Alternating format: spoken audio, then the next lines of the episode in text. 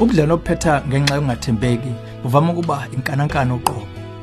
Kepha uma kukhona ney'ngane lokho kwenzela isimo sedlulele ngomzima nokusambathekisana. Sizokhuluma ngokuthi ubhekana kanjani nezimo ey'njengalezi khona la ohlelweni ezomndeni. Ngakho hlala nathi.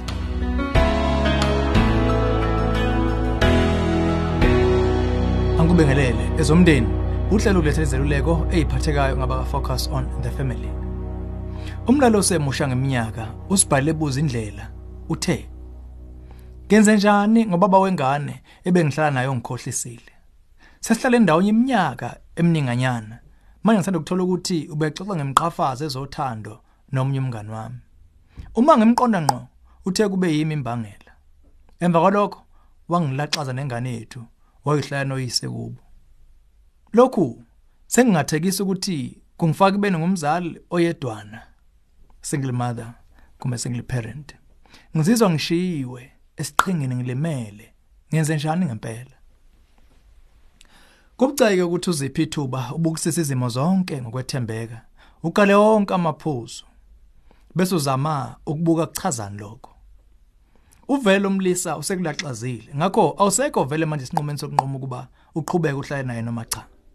Usesonto izinto emqondweni wakhe ukuthi athwese wena ngecala lokho ke kuluphawu olunganikani ithemba udinga uyibuza kumele yini ufaka amandla akho Kungumbuzo ngumgxala ke lo ngoba kubandakanyeka nengane kulesi sithombe. Lo mlisa omchaza kithi ngakubula uhlobo lwendoda ofisa idlala iqhaza lokuba ngibaba empeni yengane yakho.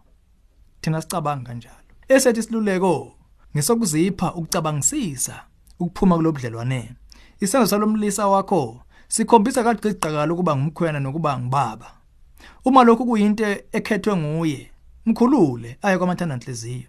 Ekugcina kwakho konke ikhunishisa umkhwezeli. izenzo zakhe akuselicala lakho lelo ngokubuka kwethu lithuba lakho leli isikhathi sokuma lesi ufunde ukuthi kuchazana ukuyimela ngezakhe inyawo umele ingane yakho na kanjani uzodinga usizo ukwenza lokho kunqala ukuqonda ukuthi nakube kulaxaza kodwa kumenze lokho abalekele ukondla njengomzali walengane. Lokho kumele akwenze ngisho nangomthetho imbala kuba khipha isondlo. Sikhuthaza futhi ukuthi uqala ukufuna usizo nakuphi na la ungathola khona. Qala emndeni wakini.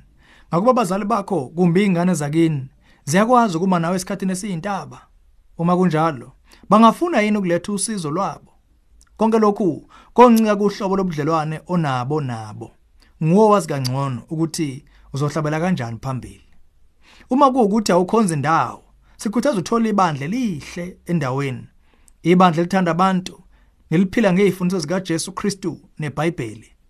Uyomangala ukubona uhlobo lomehluko olulethwa yibandla loqobo eligcwele uthando nonakekelo. Emva kokuba seyilungisile inkinga zangaphandle zenyama sikhuthaza ubona nongoti kwezoluleko bese uqala uhambo lokusenza ezokomoya nezomqondo wakho kulesi simo. Zithola ukuthi ungubani nokuthi ikuphi ofuna ukwenza ngempilo yakho. Qinisa inqomo zakho. Nyusa ukuzethemba. Uma kunezimo ezungabazana nezingezinhle ngobuwena phambilini zisebenze njengamanje. Kanti kuba ube sesimeni sokuba uyongena ebudlaneni nomuntu wesilisa kwikusasa lakho ekubalekeni safuthi kwalomlisa.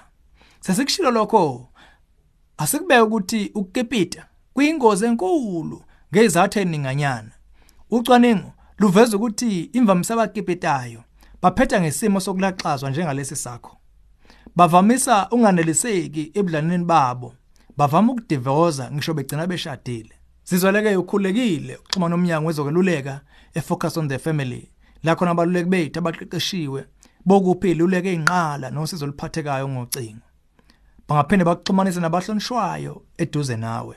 Sishayele ku 031 716 3300 kumbe ungene ku safamily.co.za bese ucofo ku counseling link. Lolu hlelo ezomndeni ulethulelwe yi-focus on the family sihlangabezwa hlelo luzayo sisihlabelisa phambili umndeni wakho